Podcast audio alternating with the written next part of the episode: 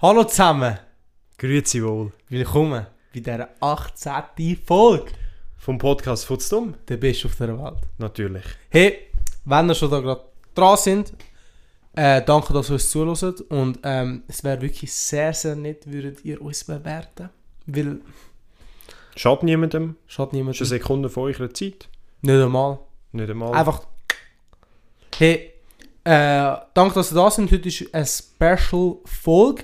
Mhm. Wir gehen mal wieder oldschool wieder, wie wir es ganz am Anfang gemacht haben. Back to the Roots. Eine gab von unserer ersten Special-Folge. Oder Unsere sogar erste. die erste Die erste Special-Folge. Special-Folge. Und wir machen es jetzt einfach besser. Boah. Und ein bisschen mit anderen Sachen. Ähm, ihr habt es wahrscheinlich schon im Titel gesehen, es geht um typisch Schweizer Sachen. Also die Tierlist, die wir gerade da vor uns haben und sehen, es hat von allem drauf. Von allem. Wirklich einfach alles, was mit der Schweiz zu tun hat. Wo gemacht wird. Ja. Alles. Lasst euch überraschen. Lasst uns- lasst euch wirklich überraschen. Aber als erstes, wenn wir etwas euch mitgeben. Ja. Ihr habt ja, glaube ich, gesehen, der Maurer hat einen Mustache. Der, der Nein, ich, Bruder. ich habe ein Zettel gemacht, weil es ist schon ein wichtiges Thema, nicht? Ich weiss nicht, was du auf dem Zettel draufgeschrieben hast. Ich Nicht? Bin, nein. Okay, da, jetzt die Frage. Habt ihr gewusst, dass stündlich 60 Männer Suizid begeben? Alter, der ist jetzt. Bro, der ist jetzt aber tief reingekommen. 60 Männer pro Stunde äh, begeben Suizid, das ist eine pro Minute. Äh, eben, wie ihr es mitbekommen habt, es ist November, Männer lassen ihre Mustache auswachsen, um ein Zeichen für Mental Health äh, äh, Setzen. setzen.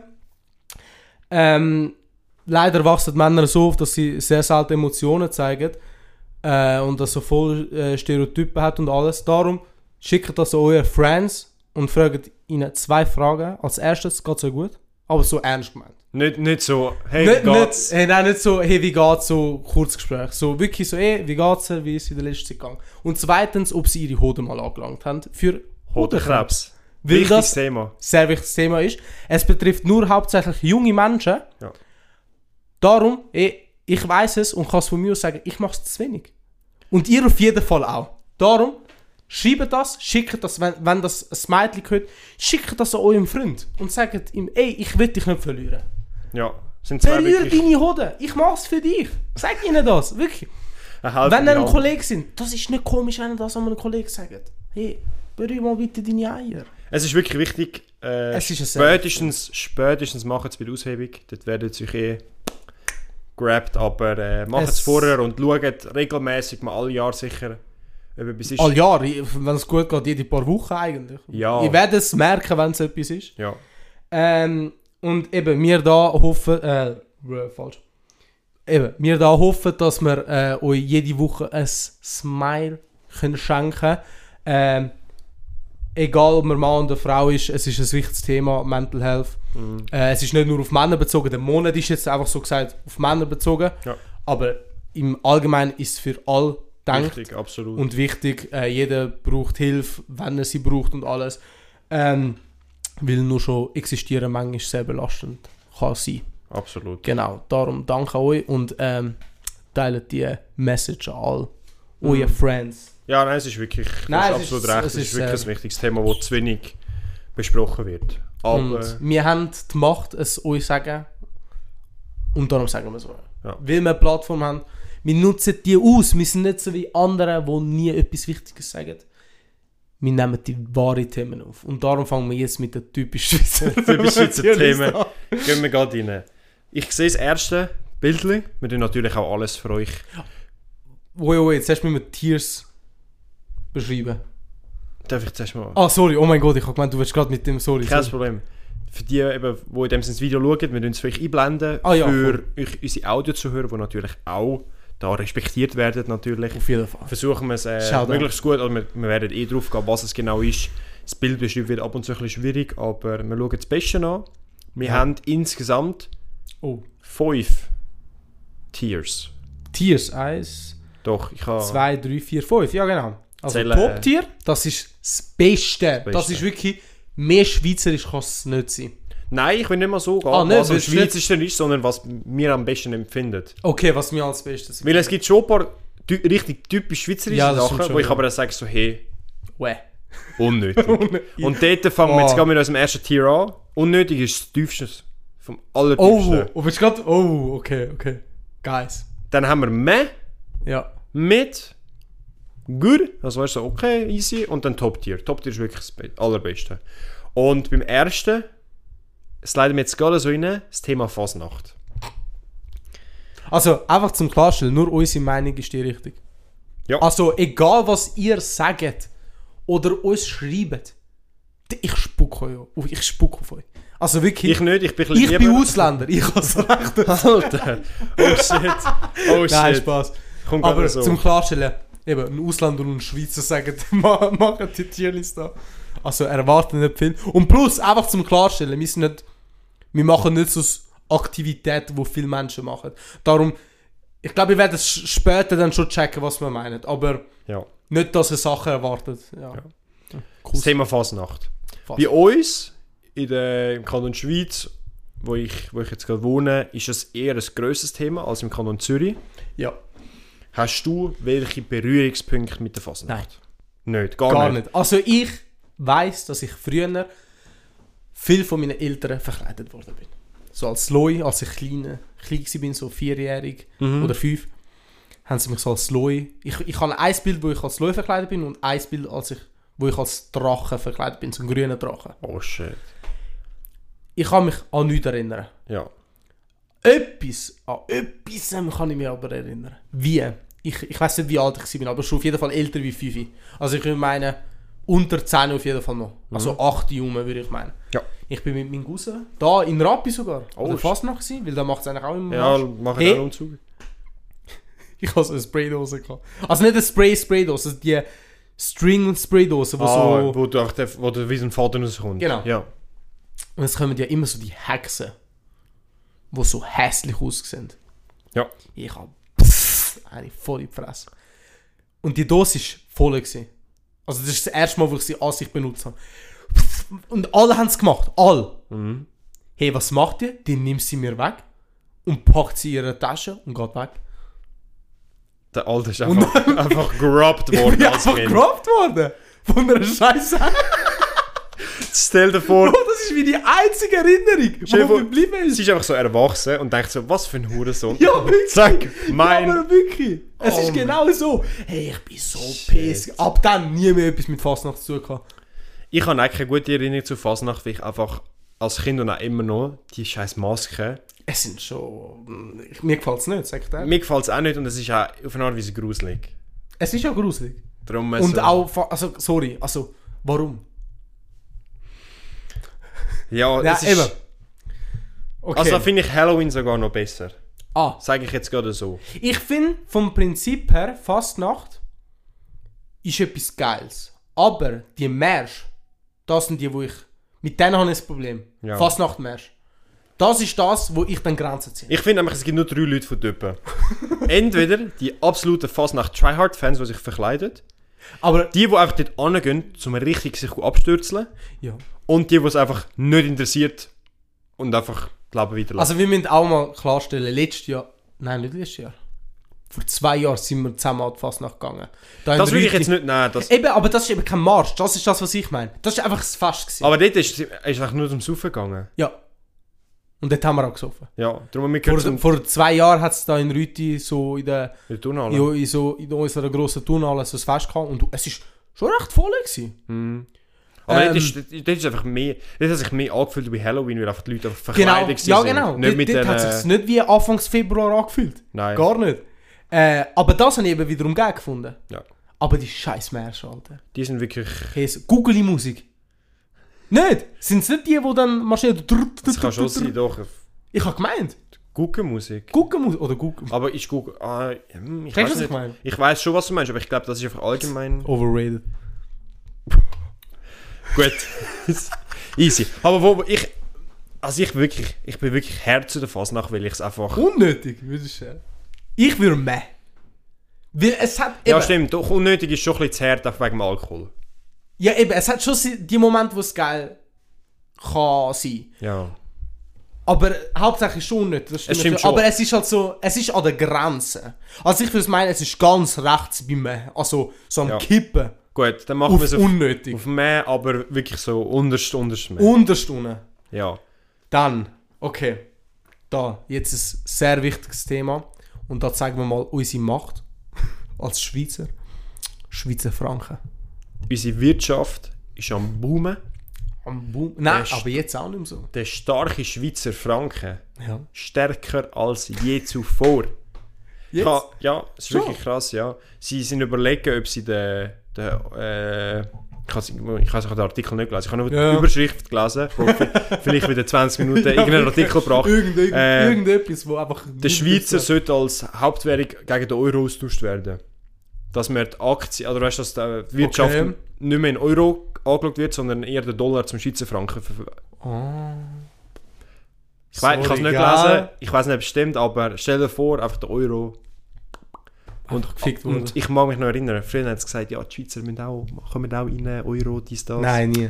Beste Entscheidung gewesen von der Schweiz. Hey, ich sag dir, das, Schweizer Franken und ich sag dir ehrlich, Schweizer Noten sind ein paar von den schönsten Noten. Die es gibt. schönsten Noten. Darum, ich sag dir ehrlich, Franken, Top-Tier für mich. Ja, finde ich auch. Weil, f- wirklich schön. Und es sieht, es sieht nicht, für das, dass es so farbig ist, es sieht nicht aus wie Monopoly-Geld, finde Ja, ich. genau. Und, es, hast du schon mal Euro in der Hand gehabt, wie billig, dass sich das anfühlt. Alter, Euro, wenn du das in der Hand hast, nur schon ein paar Münzen, hey, das fühlt sich dreckig an. Ja. Du, Alter, dann, dann willst du direkt deine Hand waschen. Und dann musst du dir vorstellen, du zahlst mit einer 50-Euro-Note und dann tun sie es gerade dreimal überprüfen, ob es Ja, gefälscht ja, das stimmt. Hey, der Das stimmt. Schweizer zahlst mit 1000 Stu äh, Du hast erstens eine 1000er Note, Ja. haben die Deutschen nicht. Die haben die höchste, ist, glaub, z- äh, die 500 er brauchen sie aber glaub, nicht mehr. Also, das Es ist, heißt, glaub, wenn nur noch 200 oder 500. Wir haben 1000 Stutz. Und hey, haben wir ich nicht hab noch- auch 2000? Nein. Nicht? Mhm. Keine. Aber äh, noch nie jemand gesehen, die überprüfen, weil es einfach die sicherste Währung ist Ja. zum Fälschen. Darum, hey, Guys, wirklich. Wirklich top-tier. Top-Tier. Nicht einmal, nicht einmal äh, im Vergleich zu Ja. anderen. Zu anderen Währungen, ja, zu anderen allgemein. Weil Währungen. Nein, es ist halt wirklich. Also Also Top-Tier. Dollar ist ja wirklich auch nur so schon billig. Franken. FR. Wow. FR. Punkt. Vor allem die anderen Euro immer 3 Euro, das ist halt so billig weg Europa. Ja. Und Weißt. nachher die, Eu- äh, die Amerikaner USD haben auch wieder 3. Wir sind Ua- die einzigen. Okay, wir haben CHF, stimmt. Schweizer Franken. Egal. Okay, aber eben. Franken, das erste, was Top-Tier geht. Ja, absolut. Aber wir müssen aber schauen, wir dürfen nicht zu viel im Top-Tier tun. Wir schauen. Aber Bei den Franken- Kantonen haben wir am Anfang auch gesagt, wir tun hure viele Top, also dass wir schauen, dass wir nicht viele Top-Tier haben. Wir Ja, haben aber nachher sonst drei. einen. Nein, drei haben wir Top-Tier. Schon? gehabt. Ja, drei. Okay. St. Gallen, Zug. Zug und Luzern. Easy. Gut. Hey guys, okay. Jetzt Edelweiß. Boah. Du weißt, mit dem meine ich die Fluggesellschaft. Oder meinst du? Heißt die Edelweiss? Wait. Also Swiss Air haben wir. Hey, ich hab gemeint, wir haben auch Edelweiß. Nicht, dass ich wüsste, aber ich bin kein Pilot. also es kann gut sein, gibt es Hey, ich hab gemeint, wir haben eine Edelweiß Airline. Nein, Eine Swiss und eine Edelwe Edelweiß. fix nicht. Dann fliegt die fix nicht international. ich Nein, hab bis sicher nicht. Nein, er fliegt nicht, wer weiß wie. Aber wir haben trotzdem nur Edelweiß. jetzt- Ich fliege halt kein Inland bezüglich Umwelt, darum ich kann es dir nicht sagen. Mustache-Boy. Nein, also ich kann wirklich von den Airlines kenne ich nur Swiss. Ich hab gemeint, es hat nur so. Okay, easy. Ja. Also ich Aber habe mit eben, Edelweiss Mit, mit, ja. Blumen genannt. Weil Blumen. das ist die Blume, wo halt... Es hat auch die- die Marke Edelweiß. Was machen die? Kleider. Okay. Haben sie. Wie immer. Also ich habe wirklich gedacht, als du geschrieben hast, Blumen, weil... Doch, weil die Aber Blume es ist eine ist, Blume, ist in der Schweiz sehr vertreten. Überall. Wenn du die Schweizer, wenn du, wenn du Schweizig bist, sind die überall als Karikatur. Schon? Ja. Okay. Und ich sage dir auch, als Blume ist eine schöne Hey, Blume. ich als Allergiker, ja, okay. also sagt Ein er, bisschen biased, würde ich jetzt overrated, sagen. Alter. Blumen im Allgemeinen. Overrated as fuck. Ich sage mit. Ja, easy mit. Nein, das, da bin ich verstanden mit. Weil es ist okay Blume und sie wacht halt, glaube ich, hoch. Also auf den Bergen sogar. Und, und Bäume wachsen dann nicht einmal. Und dann kommt echt so eine scheiß Blume, wo ich sage, ey, fickt euch. Ich bin edelweiß. Wirklich. Äh, easy, dann ist, ähm... Das nächste ist das wichtigste Also, das Schweizer nächste, ey... Nationalgericht, würde ich jetzt schon Also, fast wenn sagen. jemand das nicht kennt, da, pü, alle spuckt ja. Vor allem die Besten sind die, die es dabei haben, wenn sie ins Restaurant gehen. Ja, Bro, das sind die komischsten. Nein. verstehe ich wirklich. Wir Hey. reden von Aromat. Aromat. Und jeder, der kommt, äh, Magi haben wir, hat das auch. Magi, haben wir schon mal Magi gehabt? Hebt die Fresse. Aromat ist der real shit. Ich sag dir ehrlich, ich, wir haben Aromat da, aber wir benutzen es nur bei etwas, Was? bei Eier. Okay, verständlich. Das ist halt wirklich- Nur bei Eier. Das ist bei Basic, aber Aromat kannst du auf alles machen. Nein, nein, das stimmt schon, das stimmt schon. Aber mir persönlich benutzt es nur bei Eier. Und der Typ, wie heißt er? Kn- Knurr, Knorr. Das Männli von Aromat, das Ah, das rote. weiss ich Der nicht. Knorr, auch Legende, wirklich. Okay. Aromat, sag dir ehrlich, weil so ein Wahrzeichen ist. Top-Tier. Ja, habe ich jetzt egal Aber sagen. muss. Aber bei den nächsten zwei müssen wir, müssen wir aufpassen. Logisch, logisch. Aber Aromat ist wirklich. Aber Aromat geht mit Schweizer Aber ich, Franken. ich sag dir, wenn jetzt jemand aus der Freundesgruppe, wenn wir immer Rest, in das Resti gehen essen und der würde Aromat auspacken, ganz sympathischer. Chli komisch. Aber, Klein komisch. aber Also nur sympathisch. Sympathisch. Weil die Restaurants, die kein Aromat haben. klein. Du hast auf eine Pizza Aromat. an. Nein, das nicht. Ja, eben. Aber sonst auf normale Gerichte kannst du Aromat wirklich universell Easy. einsetzen. Okay, das nächste. Und da kommt jetzt, glaube ich, unsere erste Kontroverse an. Ja. Matterhorn. Matterhorn. Der, Oder ich sage der jetzt mal, Berg. ich würde jetzt auch allgemein sagen, so die, die bekanntesten Berge. Die Jungfrau Joch würde ich dort auch dazu erzählen. Weil ich hätte keine Ahnung, wo der ist. Im Allgemeinen. Wirklich, ich und Berge oder Landschaft in der Schweiz, nein, im Allgemeinen. Ja, eben, ich kann es sagen. Allgemein. Ich, Schwierig. keine Ahnung. Ich sag dir ehrlich, ich hasse Wandern. So, das ist etwas von diesen Sachen, wo ich am. Wirklich, ich gehe mit dem ins Grab. Doch, ich hasse Wandern. Wir können, nein, zum Wandern muss ich eigentlich noch nichts sagen. Da Ja, kommen wir ich- später noch dazu. ja. Aber jetzt zum Thema Berg. Ich sage dir ehrlich, ich bin ja... Auf dem Matterhorn bin ich noch nie gewesen, aber auf dem Jungfrau Joch. Schon. Ja. Okay. Das ist so der, der typische Der Jungfrau Duriberg.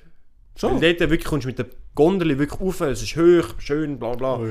Krass. Krass. Krank. Crank. Äh. Krass overrated ist das auch, muss man das so sagen, ja. Also, es ist schon schön, aber für das, was du zahlst, Schon. äh, musst du halb in jeden verkaufen, zum Aufgehen. So, krass, okay. Drum, also äh, ich sag dir ehrlich, mir, mir, das Ding ist halt, die Schweiz hat schon die Alpen im Allgemeinen. Ja. Und nur schon das ist schon ein Zeichen. Wir haben die Alpen, Hm. wo wir haben so eine ganze Berglandschaft, wo hauptsächlich durch uns durchgeht, ist geil, weißt du? Das so. ist richtig, ja. Aber dass man so alles auf einen Berg steckt, hey, ich sag dir ehrlich, also, Er sieht halt, er sieht mächtig aus. ja, Bro, was? Kann man nicht bestreiten, aber es ist schon overrated, der Es ist Berg. verdammt overrated und ich sag dir ehrlich, ich würde. Ja, meh wäre schon ein bisschen zu hart, nicht? Ich würde entweder ein schlechtes mit oder ein gutes mecken. Also ich. Okay, Weil ich muss ehrlich sagen, die Sachen sind nur für Touristen. das, das stimmt, das stimmt. Also ich kenne niemanden, ich kenne keinen Hans Rudi, der sagt, am Sonntag, wir gehen jetzt aufs Matterhorn wandern. Kenne ich nicht. Okay, guys, wir machen das so, wir stecken es jetzt auf sehr gut meh, aber weil wir das einfach so empfinden. Ja, ich machen glaube, wir für das. andere wäre das auf jeden Fall höher, aber Logisch. nur unsere Meinung stimmt, darum ist es eben so. Das nächste Hey, Toblerone. Ikone von der Schweiz. Oh. Gemacht von Schweizer für Ausländer und Touristen. Wirklich. Und das Fiese finde ich noch. Das hast du gerade so gut gesagt. Es ist aber wirklich so. Also als Nee. Schweizer kaufst du keine Toblerone. Hey, ich sag dir ehrlich, das ist die Schoki. Hey, ich check nicht, wie man die essen sollte. Das ist eben, du bist ein Ausländer und ich als Schweizer weiß eben, wie man sie isst. Hey, du kannst mir mal schlecken. Wirklich. Jedes Mal, ich, ich probiere immer so das ganze Dreieck so. Schon falsch. Schon, eben. Schon falsch. Du weißt, du musst schon machen. Sie nicht essen. Nein. d- Erstens das, verschenken, das ist die richtige Antwort. Aber für die, die es noch nicht wissen, kurze Aufklärungsstunde, das sind ja Dreiecke. No shit. Hey, Äh, stell dir vor, das sind blinde Leute, die das hören. Okay, die wissen nicht, was Dreieck Gut. Der Take ist schlecht. Die Dreiecke sind ja am Boden nur verbunden. Die sind ja. Ja. ist ja nicht eine dreieckige Bar, sondern Ja, es ja. ist ja immer wieder Trend. Ja, ja, Und jetzt musst du dir vorstellen, du kannst die obere, die obere Spitze vom Dreieck zusammendrücken Ja. und dann bricht das weg. Ja, logisch. Und dann kannst du einzelne Stück. Eben, dann hast du das kleine Dreieck. Wie, Ja, aber trotzdem würde ich so. Ich glaube, du bist.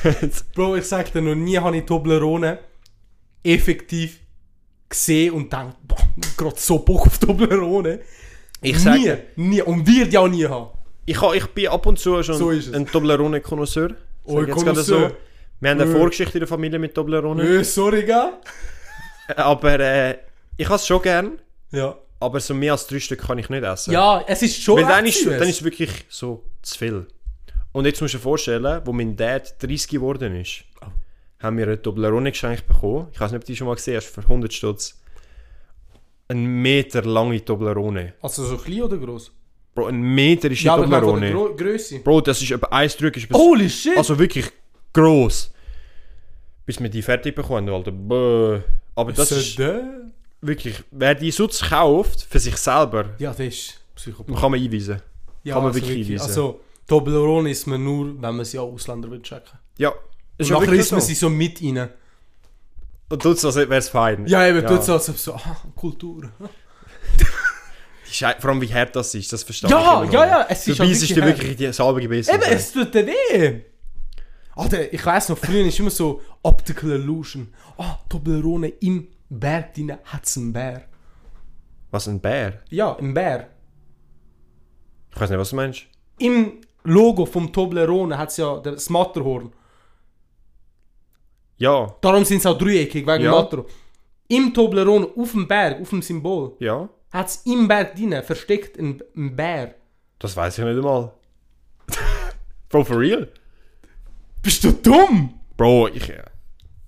Ich habe nie drauf geachtet. Das Logo? Nachher schauen wir das an. Ja, Oh, Alter. das... Das Tob- Ich sehe es, Logo? wir wir haben es eingeblendet. Ja, aber da. Also ich glaube, die meisten checken schon, was ich meine. Ich habe von dem Bär noch nie etwas gehört. Es also hat ich habe einen schon gewusst, Berg, dass... Es hat einen Berg. Das Zeichen Ja. von Doblon ist ja ein Berg. Logisch, das weiß ich. Und im Berg drin hat es einen Berg, der so ist. Boah, ist zwei mir nie Beinen. aufgefallen. Krass. Krass, krass, krass. Scheiß. Das Äh, nächste- jetzt. Schweizer Schock im Allgemeinen. Boah. Okay, da müssen wir schon jetzt Props geben. Also, wir können ja wirklich. Also, wir haben ja, muss man so sagen, wir können nicht vieles. Oh, gut- wait, wir haben nicht mal gesagt, wo Toblerone herkommt. oh stimmt. ähm, ich würde auf Mid. ja. Mid. Finde ich einen guten Platz. weil es find ich einfach. auch. Es ist... Könnte Es ist besser sein. okay. Man verschenkt es lieber, als man es bekommt. Es ist nicht schlimm, aber es ist halt so... Ja. Ja. Okay, jetzt weiter, Schoki. Schweizer Schoki. Hey, so geil. Okay. Ich, also ich esse wirklich gern und verschiedenste. Es gibt ja Vor die Frey, allem. es gibt Lind. Es Ich gibt, habe nachher noch eine Geschichte. nein, aber ich Ja. sage Schoki und dann wie viel das wir haben. Weil ich sage dir so, Milk, hast du schon mal Ja, Milka-Schokolade ja, ja, die äh, Violet. Ja, Ja, nicht uff. so geil. Nicht? Das ist kein Schweizer Schoki, das ist für Deutsche. Ah, das wissen wir. Darum finde ich die aber nicht so geil. Ach, gemeint. Ah ja, doch. Ja, Nein, ja. Milka ist von ja, Deutschland. ja, ja, doch, doch. Aber so wirklich Schweizer Schoki, Lind, Frey und Lind. das Ganze. Hey, letzte Woche bin ich ins Lind Museum oder was? Museum. Oh, Bro, ich hab, shit. du hast sogar Schoki von mir gegessen. Du bist letzte Woche da bei mir gewesen. Ja. Das ist, Ich sag dir, mein Hirn nicht ganz um. äh, hey. Top. Ja. Top. Top.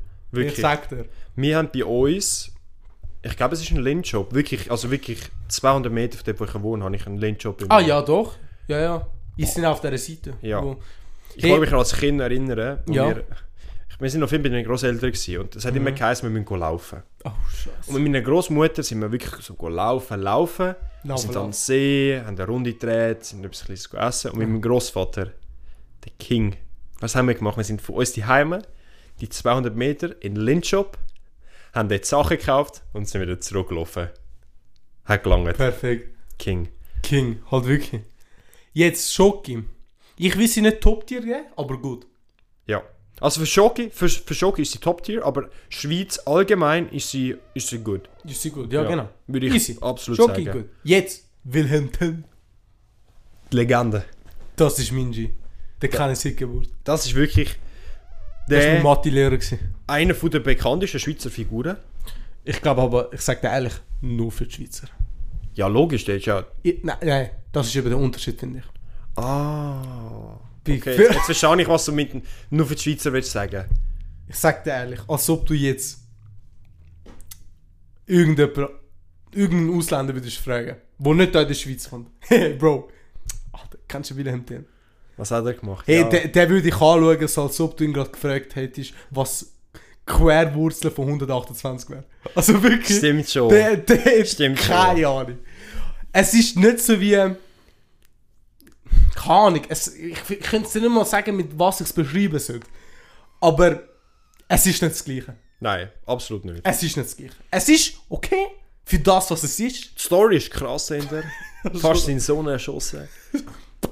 Nein, mit der Armbrust oder mit dem Bogen? Armbrust. Armbrust, ah, sorry, siehst du, sorry. Aber ich habe mich gerettet. Das ist wirklich, hast Glück. gehabt, Hast Glück. gehabt. äh, ich würde halt klipp und klar, kurz und bündig sagen, meh. Ja, finde ich ja. Als Kind, so als Story erzählen. Ja, dann wärst du vielleicht auf mitgegangen. Aber ja, höchstens. mit- aber Nein. der Bruder hat nichts für die Umwelt gemacht. Es ist gerade unten durch. Ist nicht Also also wäre der heute demonstrieren. rum, der wäre... Der würde einen Schock bekommen, wie viele Ausländer in der Schweiz sind. Alter. Ja, Ja, als, als, ja, als Bünzli, ja. ja, als, als Ja, also checkst du, was ich meine. Also Urbünzli, ich verstehe, was Als du willst sagen. Urbünzli glaub, würde schon... Aber ich sag, der würde auch umgehen, wenn er seinen ersten Döner würde essen. Wie geil das die Scheiße sind, Alter. Der würde Kulturschock bekommen. Boah. Jetzt. Nächste. Das ist einer von der... Ich sag, das ist ein Hot Take von der Schweiz. Oh! Also wie Hot Take von der Schweiz? Es gibt die Hälfte, oder ich, ich has jetzt, wir reden von Ovomaltine, dass man es Ofo. gesagt hat. Ofo. Öfo. Und es gibt ja verschiedene Arten von Ovo-Konsumenten, sag ich jetzt mal so. Weil es gibt ja von Ovomaltine eigentlich wirklich alles. Ja, das stimmt. Es gibt Gutzli, Riegel auch. es gibt Riegel, es gibt eben so als Strichform wie Nutella und dann gibt es das Ovi-Pulver. Ja. Und ich sag dir, jeder, der Ovi-Pulver über Nutella nimmt, boah, schon Offi schwierig. Pulver? Also, äh, sorry, Creme. Offi, Offi zum Streichen Ja, ja. Über, nicht, über Nutella nimmt, ist wirklich schon mal Red Flag. das sage ich jetzt gerade so. Das Einzige, was ich oftmals wirklich krass finde, wo mir auch sympathisch ist, wenn du am Skifahren bist und du heiße Offi bestellst. Keine heiße Schoki, Oh, heiße Ofo. sondern die heiße Schoki, dort ist das Problem, dass du Milch am Anfang und am Schluss hast du einfach so, so einen Zentimeter wirkliche Schoki-Schoki. Ja, das stimmt, ja. Und wenn du trinkst, nach dem Schluss ist einfach schwarze Schoki. Und bei der Offi hast du das nicht. okay. Und darum, ich sage dir, Offi ist wirklich für mich gut, aber nur das Pulver. Okay, ich bin so ein Average Offi User. Welche Form? Eben, ich, mit Average meine ich, ich kann alles plus minus gleich geben. Okay. Ich bin nicht so vom verdammten Liebhaber von dem. Ich könnte dir auch nicht sagen, wenn es das letzte Mal war, wo ich Offi gegessen habe. Konsumiere, ja. Äh, ja, vielleicht sogar heute. Doch, heute. Am Morgen. Als ich die eine äh, Gebäck, das, der Teig, wo im Teig deine Offi Creme drin hat, Ja. in der Tankstelle. Ah. Die, das ist etwas, was ich öfters noch esse. Ja, okay. Das ist das Einzige. So, aber Offi-Pulver und so haben wir noch nie gehabt. Nicht? Nein. Ich bin Nutella. Aber weil ich halt Italiener bin. Ja, okay, aber So Nutella, weißt du. Nutella ist eh das Bessere. Ja. Ja. Aber ich sehe den Charme dahinter. Mhm. Darum, ich persönlich, wir sind gut her. Ich auch. Gut, perfekt. Verdienen es gut? Äh, ja. Ich finde es noch krass, es ist noch nicht in unnötig. Ah ja, vielleicht jetzt dann bald. Doch. Doch, Also, man- ich sehe schon eins. ich sehe auch schon eins. Das Jetzt. nächste Thema, Kühe. Kühe Mo- allgemein. Ich muss ehrlich sagen, Meine Ex. okay, Ja, sorry. Nein, das will ich jetzt auch wollen sagen. Ich finde eigentlich Kühe so coole und interessante Tiere. Es klingt jetzt vielleicht so lame, aber eine Kuh, eine Ich weiss, was dann. Kuh, es gibt ja derartige, die so normale Haare haben und dann gibt es wirklich so gewisse, die so wirklich ein kleines Fell haben. Ja. Schon süße Tiere, sage ich jetzt gerade so. Schon. Schon. Kann man gut verwerten. Feins zum Essen. Aber wirklich Kühe allgemein, auch mit einer Glocke, es, es gibt mir immer Charme, wenn ich so am Laufen, am Wandern bin und so eine Kuhwiese gesehen und die am Chillen sind. Okay. Finde ich schon cool. Hey, f- vielleicht kommt da jetzt wirklich der Ausländer mir raus, aber ich sehe wirklich nicht den Charme. Okay, gut. Haben wir das erklärt?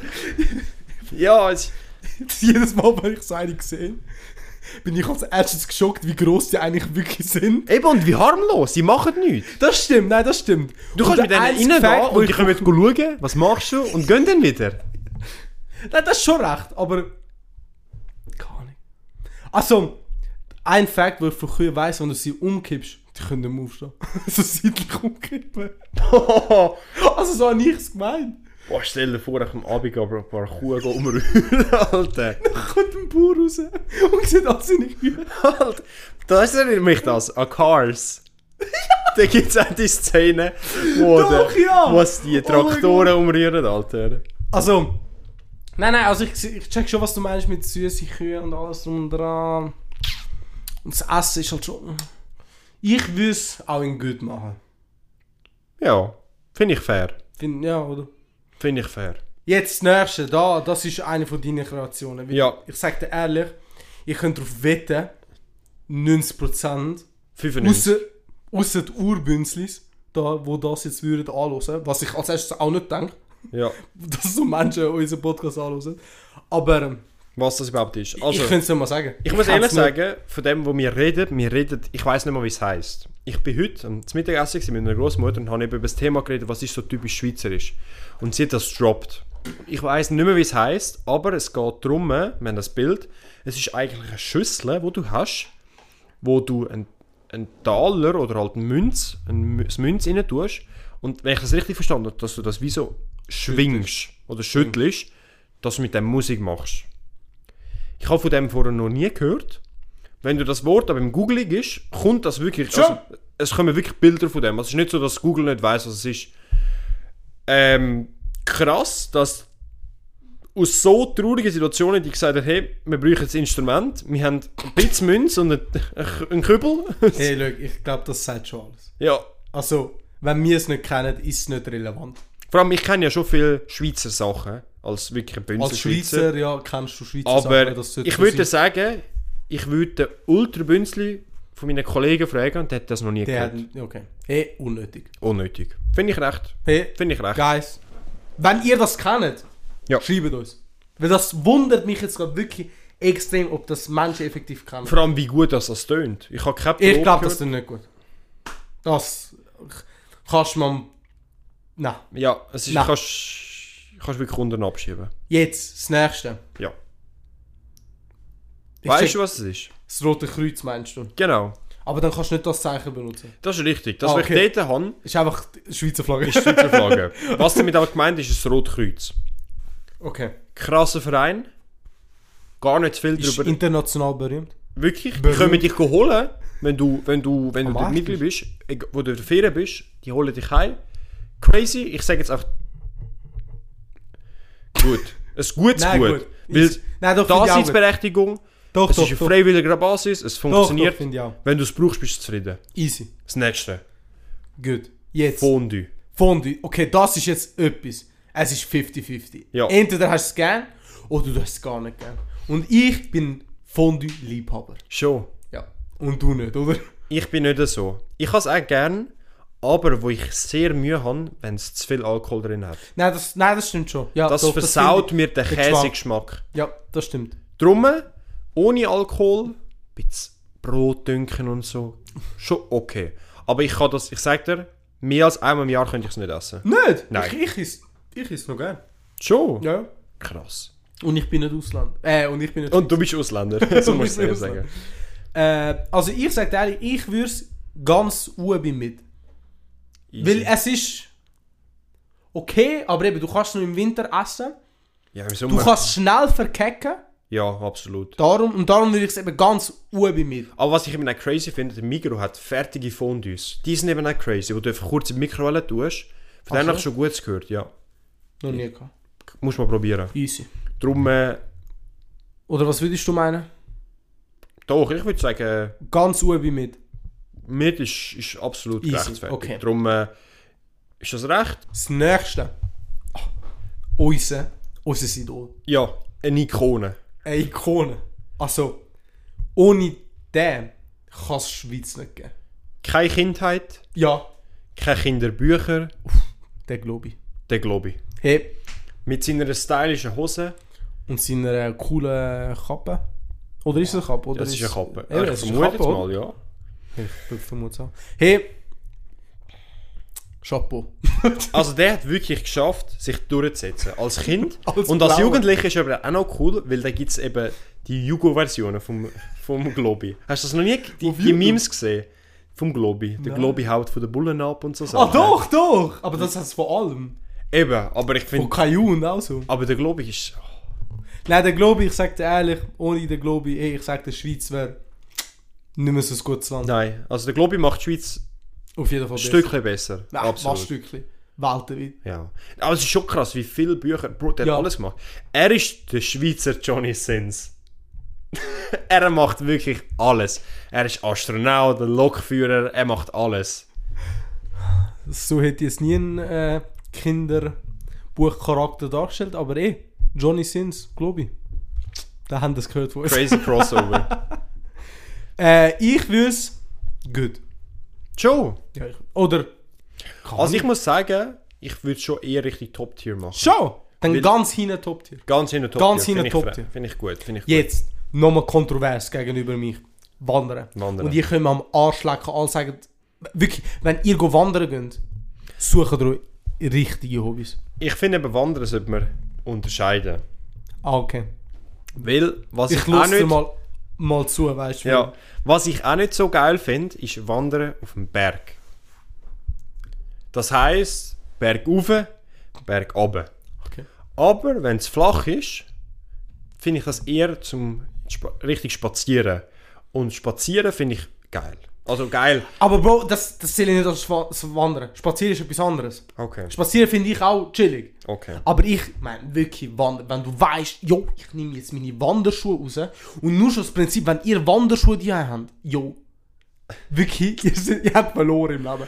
Also, Ja, es ist, dass ihr Geld ausgebt für ein paar Schuhe, die ihr vielleicht zweimal im Jahr benutzt, um auf einen Berg zu und dann gehen. musst du noch einlaufen. Dann muss es einlaufen, plus nachher ziehst du sie aus und stinken nach Scheiße. Nachher sehen ihr, dass ihr noch fucking Zicken da drin habt. Hey, Also ich verstehe, den Sinn von Wanderschuhen verstehe ich schon ein bisschen, aber logisch, aber ich sage dir, ich habe gefühlt mehr Halt in meinen Jordans als, Ja. ja, als in diesen Wanderschuhen. Du musst einfach können laufen, das ist glaube ich das Grössere. Hey, das ist schau. einfach, Wanderschuhe sind für Leute, die einfach schnell umgehen. hat etwas. Gut.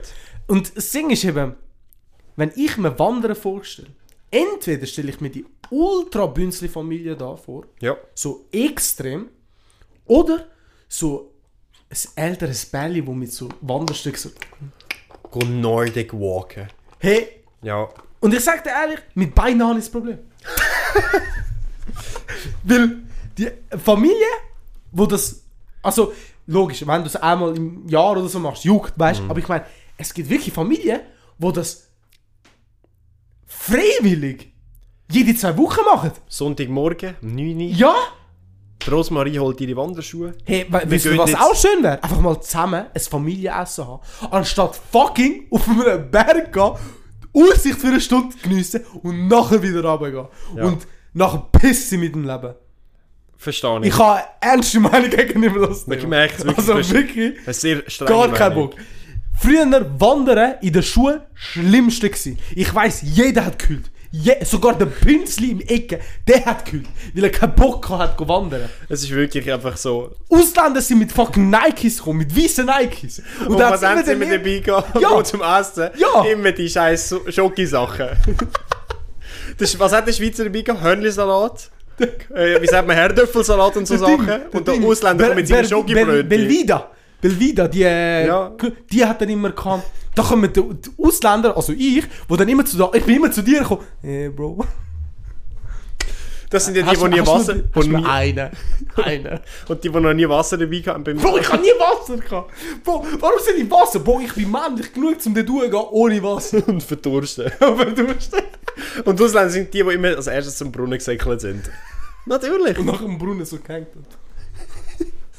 nein, also wirklich, wenn ihr wandert und das gerne macht, schämen wir Also, nein, sorry, nein, das ist wirklich... Es ist schon ein komisches Hobby. Also, Wandern, nein, das, da müssen wir auch unterscheiden.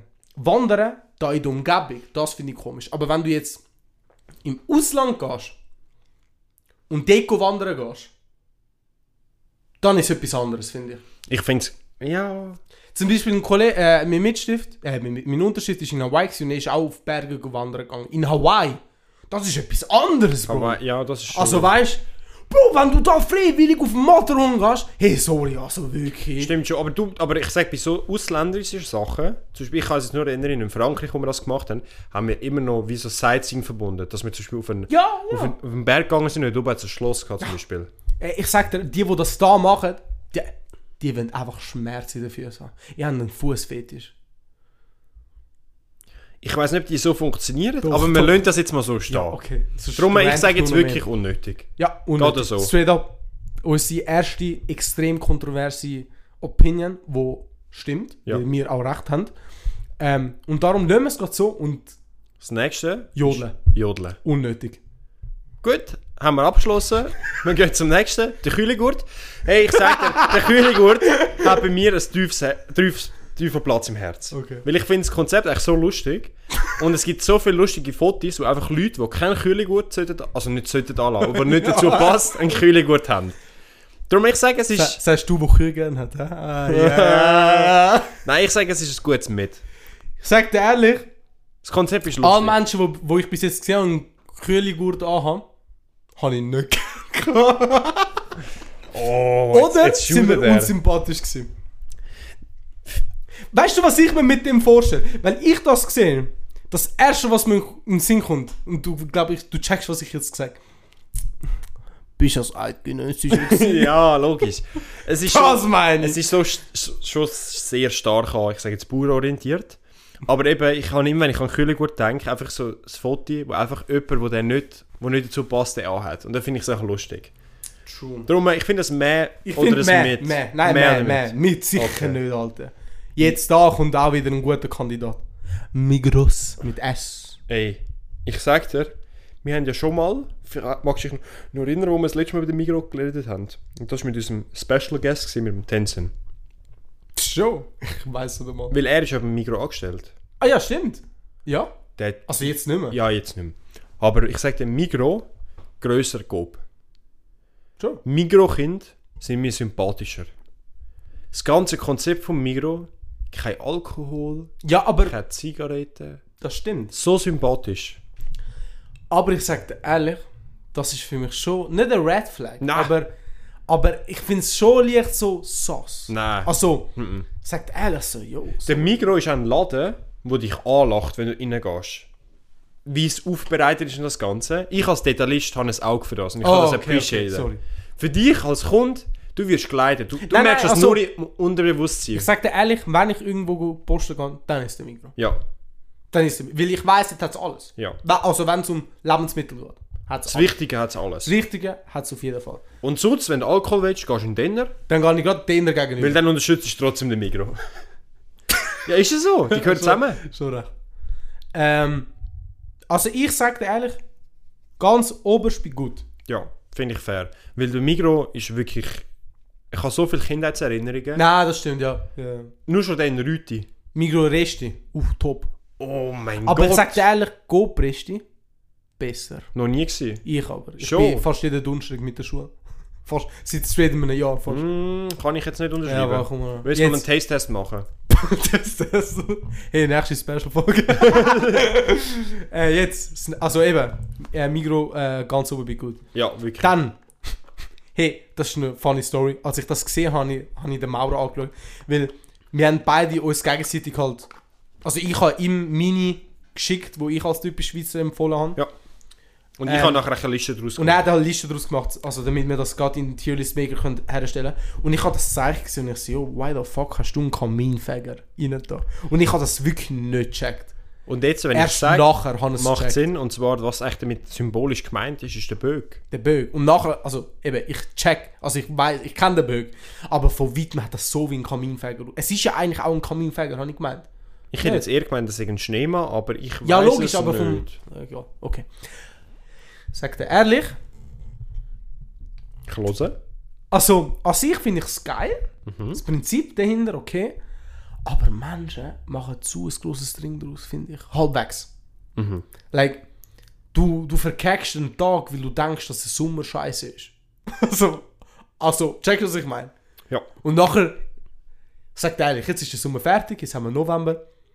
Denkst du jetzt, wi- wer denkt jetzt noch daran, ah ja stimmt, der Böck hat gesagt im, im April, dass es ein scheiß Sommer wird sein und stimmt, das ist stumm, das sagst du, es ist ein scheiß Sommer gewesen und er hat recht gehabt. Wer sagt das jetzt noch? Niemand. Es ist etwas, was einen Tag passiert und ab dem zweiten redet schon niemand drüber. Es ist ein Grund, dass man frei bekommt. Ja, aber das finde ich gut. Das ist aber ja nur gut. in der Stadt Zürich.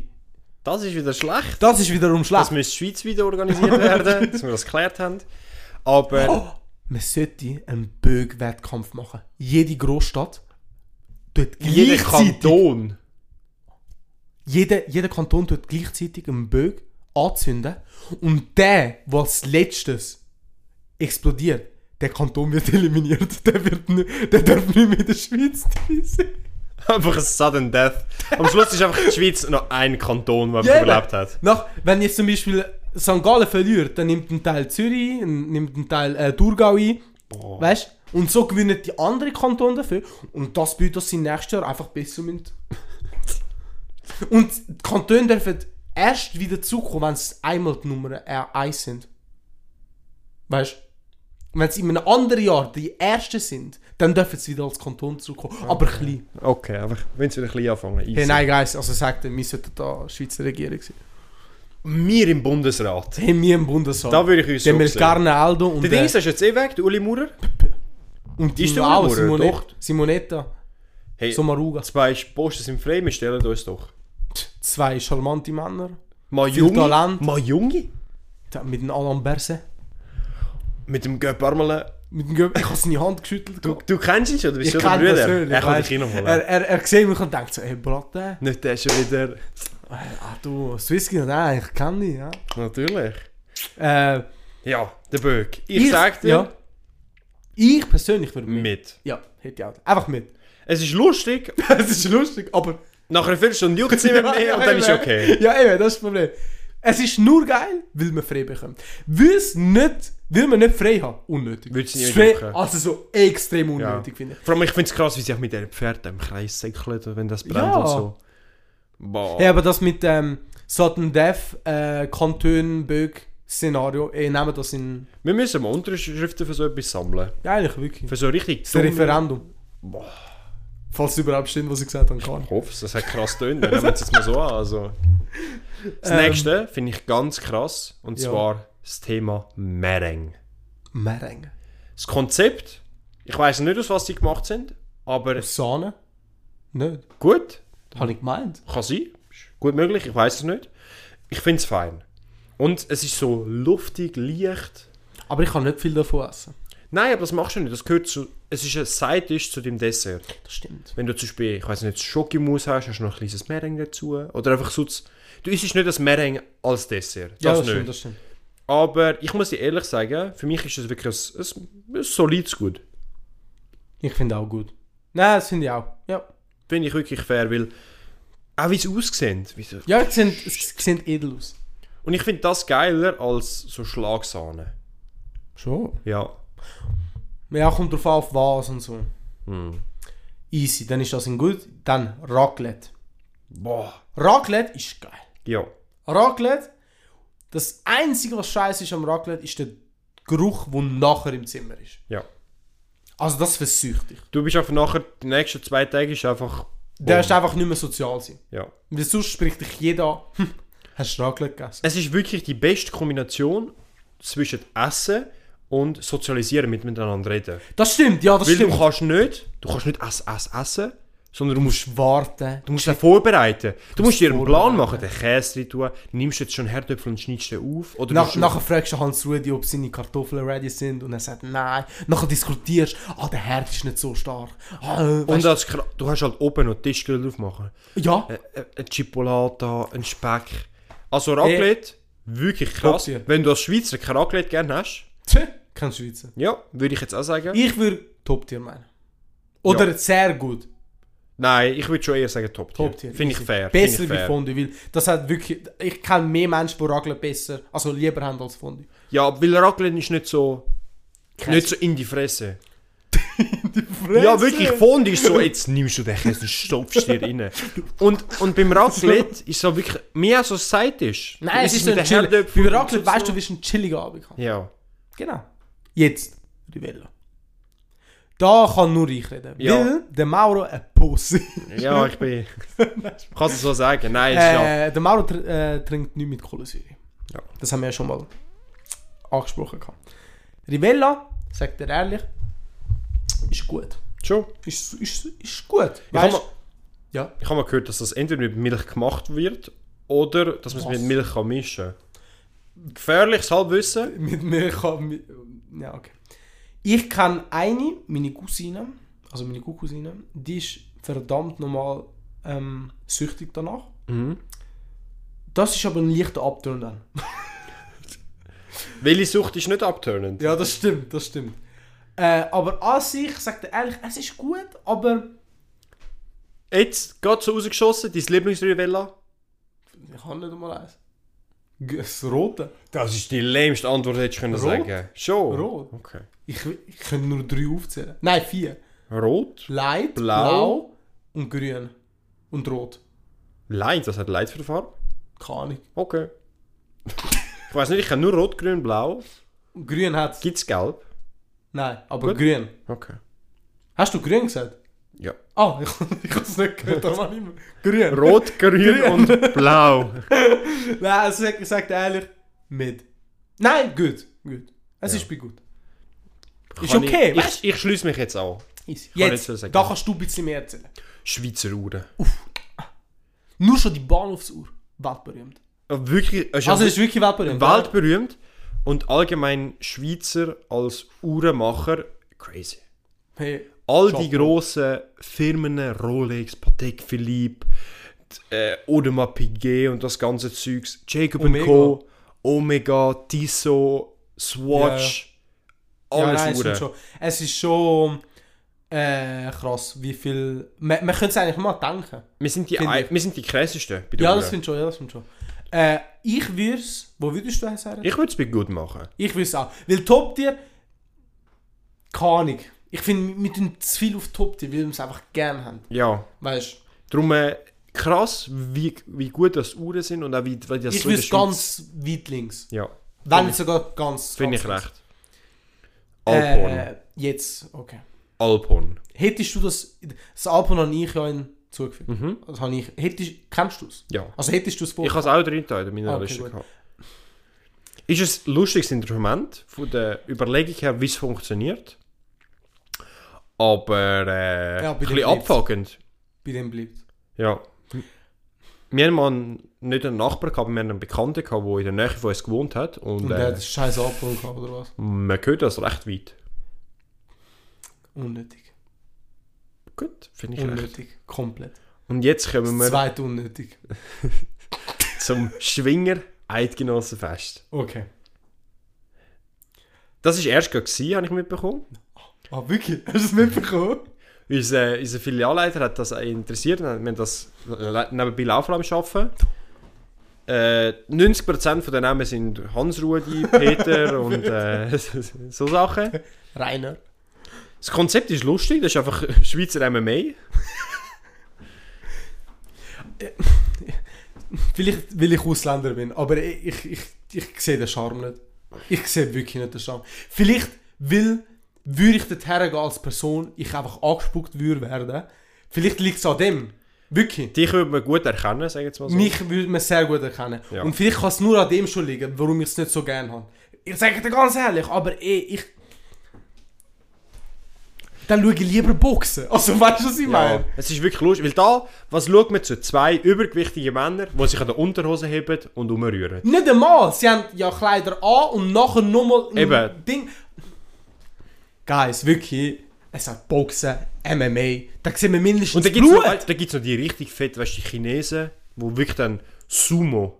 Ja, aber Sumo ist etwas anderes. Das ist schon wieder geil. Sumo ist wieder geil. Ich finde, Schwingen ist etwas zwischen Wrestling und Sumo. Das, Einfach- das beschreibt es perfekt, finde Einfach angelegt und verrissen. ich. Ich könnte darauf wetten, würdest du schnell auf Deutschland fahren Ja. und würdest fragen, ja, und ans Schwingfest gesehen, der würde fragen, was ist zum Teufel Schwingen? Stimmt Der, der schon. denkt, dass du so ein Steil so geschwungen hast. Hornnussen. Das haben wir jetzt noch nicht drin, aber ja. Ja, also wa- ich würde Dann noch sagen, in Holzding. Späne. Ey, wirklich, guys, wirklich. Und dann ist es immer auf Bergen. Auf dem Bachtel ist es ja vor kurzem gewesen, vor so einem halben Jahr. Ist das ein Bachtel gewesen? Ja. Hat so voll, ich bin aufgegangen mit meiner Freundin. Aber das war nicht das offizielle Schwingfest. Gewesen. Das nicht. Nein, offiziell Schwingfest nicht, aber so ein Turnier. Okay. Und ich sag dir ehrlich, also. Wirklich. Ich sage, die Leute, die sind unter sich und das ist auch gut so. Ja, aber. Weißt Ich sag's nicht, okay, schau, ich tu's nicht, ich, würdest du sie nur unnötig? Weil ich würde jetzt aus Respekt auf meh, Ja, auf meh, ja. easy. Jetzt, go ab. Äh, ich habe es vorher schon kurz angesprochen. Migro grösser Gob. Ich finde den Gob unsympathisch. Schon? Ja, Okay. dort hört es bei mir schon auf. kurz und bündig. Ich weiß nicht, hast du... Ich gehe jeden Donnerstag in Coop, aber will man nur einen Coop haben dort in der Schule. Und auch Coop Resti. Und ich sag dir, Coop Resti besser wie Migro Resti. Und das, weil es, finde ich, mehr Auswahl hat, frischer ist.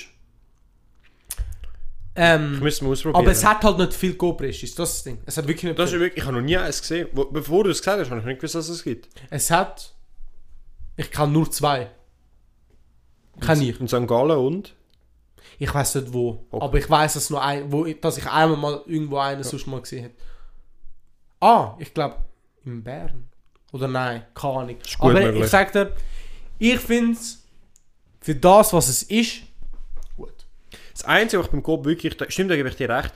Die, äh, die, die ich kann eigentlich, stimmt, wenn ich jetzt so überlege, kann ich noch viel in Coop über Mittag, weil die äh, viele warme Sachen haben. Ja, ja, das stimmt. Das stimmt. Die, äh, die Calzone und die Ja. kleinen Pizzen, ne, die sind Die schon sind top gut. tier. Ja.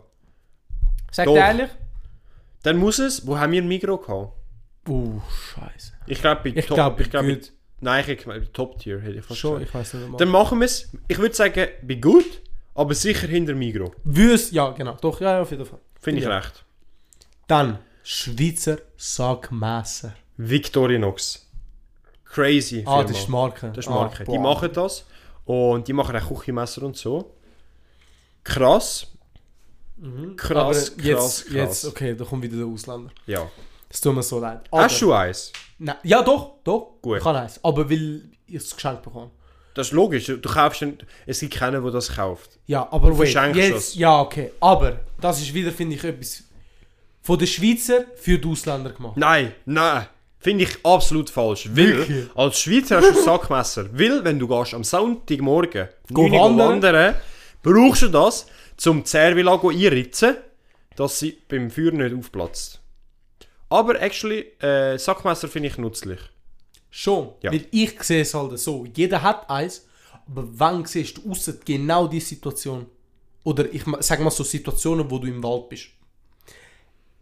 Es brauchen. Im Alltag, wenn du eins dabei hast, brauchst du es glaube mehr, als wenn du es dann nicht dabei Ich hast. sag dir ehrlich, wenn einer mir ein Sackmesser mir einfach so während dem Schaffen würde rausholen oder einfach so während der Schule und ich sehe, dass ein Sackmesser am Schlüsselanhänger hat. Da- Also, ich sag dir ehrlich, also, dann, dann hat er schon leicht Respekt verloren Schon. von mir. Ich finde es schon krass. Aber es, es gibt ja verschiedene Arten von Sackmesser. Ja, das stimmt schon, aber... Ich sag dir, die, die mich am sympathischer sind, es gibt welche mit der langen Klinge, die nicht so viel Multifunktion haben, aber eine grosse Klinge. Okay. Sympathisch. Sympathisch. Aber die, die so den, ich sag das Standard Victorinox Sackmesser mit der Schere Ja, ja, und voll. den Filen, Das ist Bieröffnen und overrated. so. find- Ich finde, es- ich check schon, was du meinst. Es hat seine... Man braucht es, logischerweise. Ja. Aber brauchst du es wirklich so viel? Also Nein. checkst du, was ich meine? Das ist mein Ding eher. Ganz ehrlich, ich würde es jetzt persönlich auf mitsetzen. Ja, finde ich auch. Nein, das Finde ich fair, weil das- der Craftsmanship. Es ist geil an sich. Ist Auf cool. jeden Fall. Aber es hat zu viel. Sie sollten lieber einzeln, eben wie du gesagt hast, es hat äh, der eine, der größere ähm, Klinge hat, ja. Klinge hat und weniger anderes Zeug. Ja. Sie sollten lieber auf das Es gibt welche, schwenken. ja, aber es gibt wirklich verschiedene. Es gibt Ja, ja. welche, das normale, es gibt auch ein kleines mit einem USB-Stick zum Beispiel drin. Bruh. Es gibt ja ein flaches, wo es gibt wie eine Kreditkarte, wo auch ein Messer drin ist, Bassette, Schere, gibt es Dude. auch. Hm, das sind, glaub ich, die. es der- gibt eins, wo so hure- das, es gibt eins im Guinness World äh, Buch der Rekorde. Okay. So, Das ist, glaube ich, glaub, 130 verschiedene Sachen drin. Also es ist wirklich etwa so dick oder so. Okay. Das ist wirklich krass. Aber äh, Hey, aber schau, bei mit finde ich es fair. ich finde, ich persönlich brauche es nicht. Darum, sind- wie ich will es auch auf die Terre tun. Mhm. Ja. Jetzt, etwas, was ich nicht gewusst habe, dass es schweizerisch ist. Ich auch nicht. Ich kann es müssen anschauen, aber es ist. Und zwar, wir reden vom Elmex. Jetzt, bevor wir da sagen, was es ist, wenn wir das jetzt gesagt haben, Elmex, was denken ihr, ist das? Weil, sag dir ehrlich, hättest du mir einfach den Namen gesagt, wäre ich nie drauf gekommen. Ich auch nicht. ich sehe nur die Tauben Ja, in dieser Farbe, die es hat. ja, Zwar im Orangen. ja. Jetzt könnt ihr euch schon ahnen, was es ist. Wir reden über Zahnpasta. Und ich sag dir, dort hat Rassismus in der Schule angefangen. Ich mag mich erinnern, ich weiß nicht, in der zweiten, dritten Klasse hat es angefangen, hat, wo die Leute gekommen sind. Es gibt einmal im Jahr oder zweimal, ist eine Frau gekommen. Zafi. Zahnfee, geht Zähne putzen. Und ich sage dir, dort hat Rassismus angefangen. Die Krassen, die Äpfel und Erdbeer genommen haben. Und dann ist wirklich, du bist wirklich gemobbt worden, hast schon LNX genommen von denen. Und ich mag mich erinnern, ich werde ich werde gerade ein bisschen emotional im Fall, wirklich. Wirklich, dort bin ich als Kind gemobbt worden. Und ich verstehe nicht, warum das... Will du das aus? Weil ich LMX genommen habe. Ich Anstatt bin ein Äpfel LMX und- entsch- Ja, ich weiß nicht warum. Und dann bin ich wirklich durch Gruppenzwang zum Äpfel gezwungen worden. Und es war scheiße. Gewesen. Bro, ich habe auch immer Äpfel genommen. Es war scheiße. Gewesen. Und du musst ja dann fünf Minuten mit dem scheiß vollen Mund jetzt so.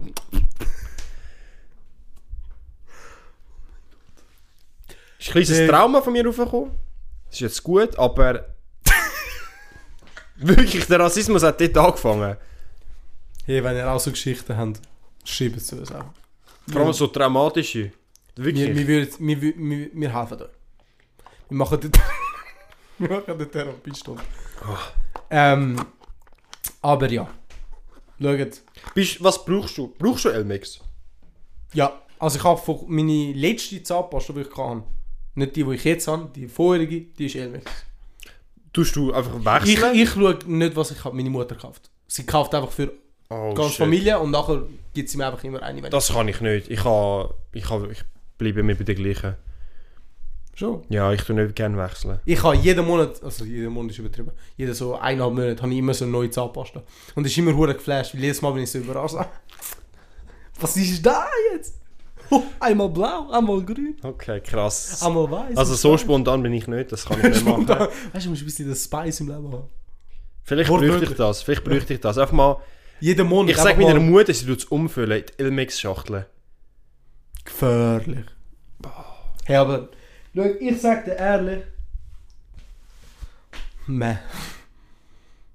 Oder? Nein, mit. Ist okay. Es ist mit. Es ist mit. Es ist mit.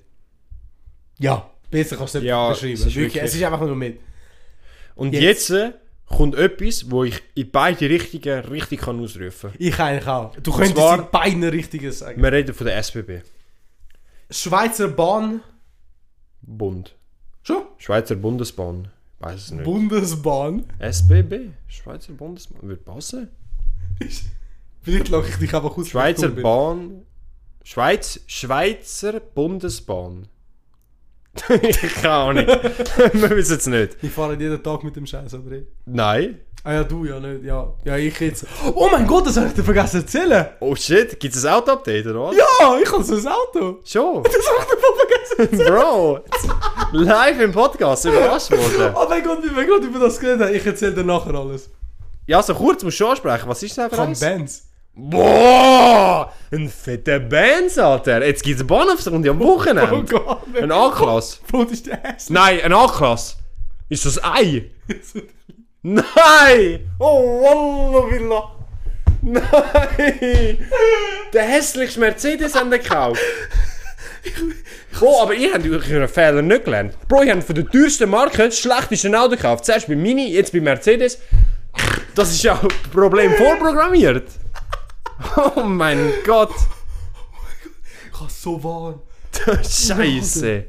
Bro, ich sag dir, ich kann nicht auswählen. Auf einmal ist gestern, kein Witz, wirklich, gestern ist einfach mein Vater gekommen mit einem Vertrag. Und ich so... Als ob der, dein Vater das Auto für ihn gekauft, weißt du? Du hast gar nicht zu reden. Aber Nein, aber ist gut. Ich muss auch sagen, ich habe einfach gesagt, jo, wenn du eins findest, kauf es einfach. Weil- Okay. Also ich sag dir, ehrlich, mich guckt so nicht. Ja, das stimmt. schon. Aber weil ich brauche es auch nicht wirklich. Und es ist auch recht billig. Gewesen. Ja. Und Automat, also ist gerade perfekt. Easy. Hey, ja, aber eben, sorry. das ist gerade so cool. Kurz Abschweifer, zurück auf die SBB. Äh, äh, SBB, ja genau. Äh, äh, Schweizer Bundbahn. Scheiße, zu teuer. Also, das ist ein Punkt. Also, egal wie gut die SBB kann sein, wie pünktlich, die pünktliche... Ba- Alter, die Preis, das kannst du nicht... Das kannst du dir nicht leisten. Nein, musst du in jeder verkaufen. SGA. 3000 Was, Stutz. was? Nee. Nein, Doch, ich mehr, glaub, drei- dreieinhalb. Mann, Hey, Alter, muss ich da gerade drei Löhne von mir ausgeben? Vor allem also als Lehrling. Lehrlingslohn?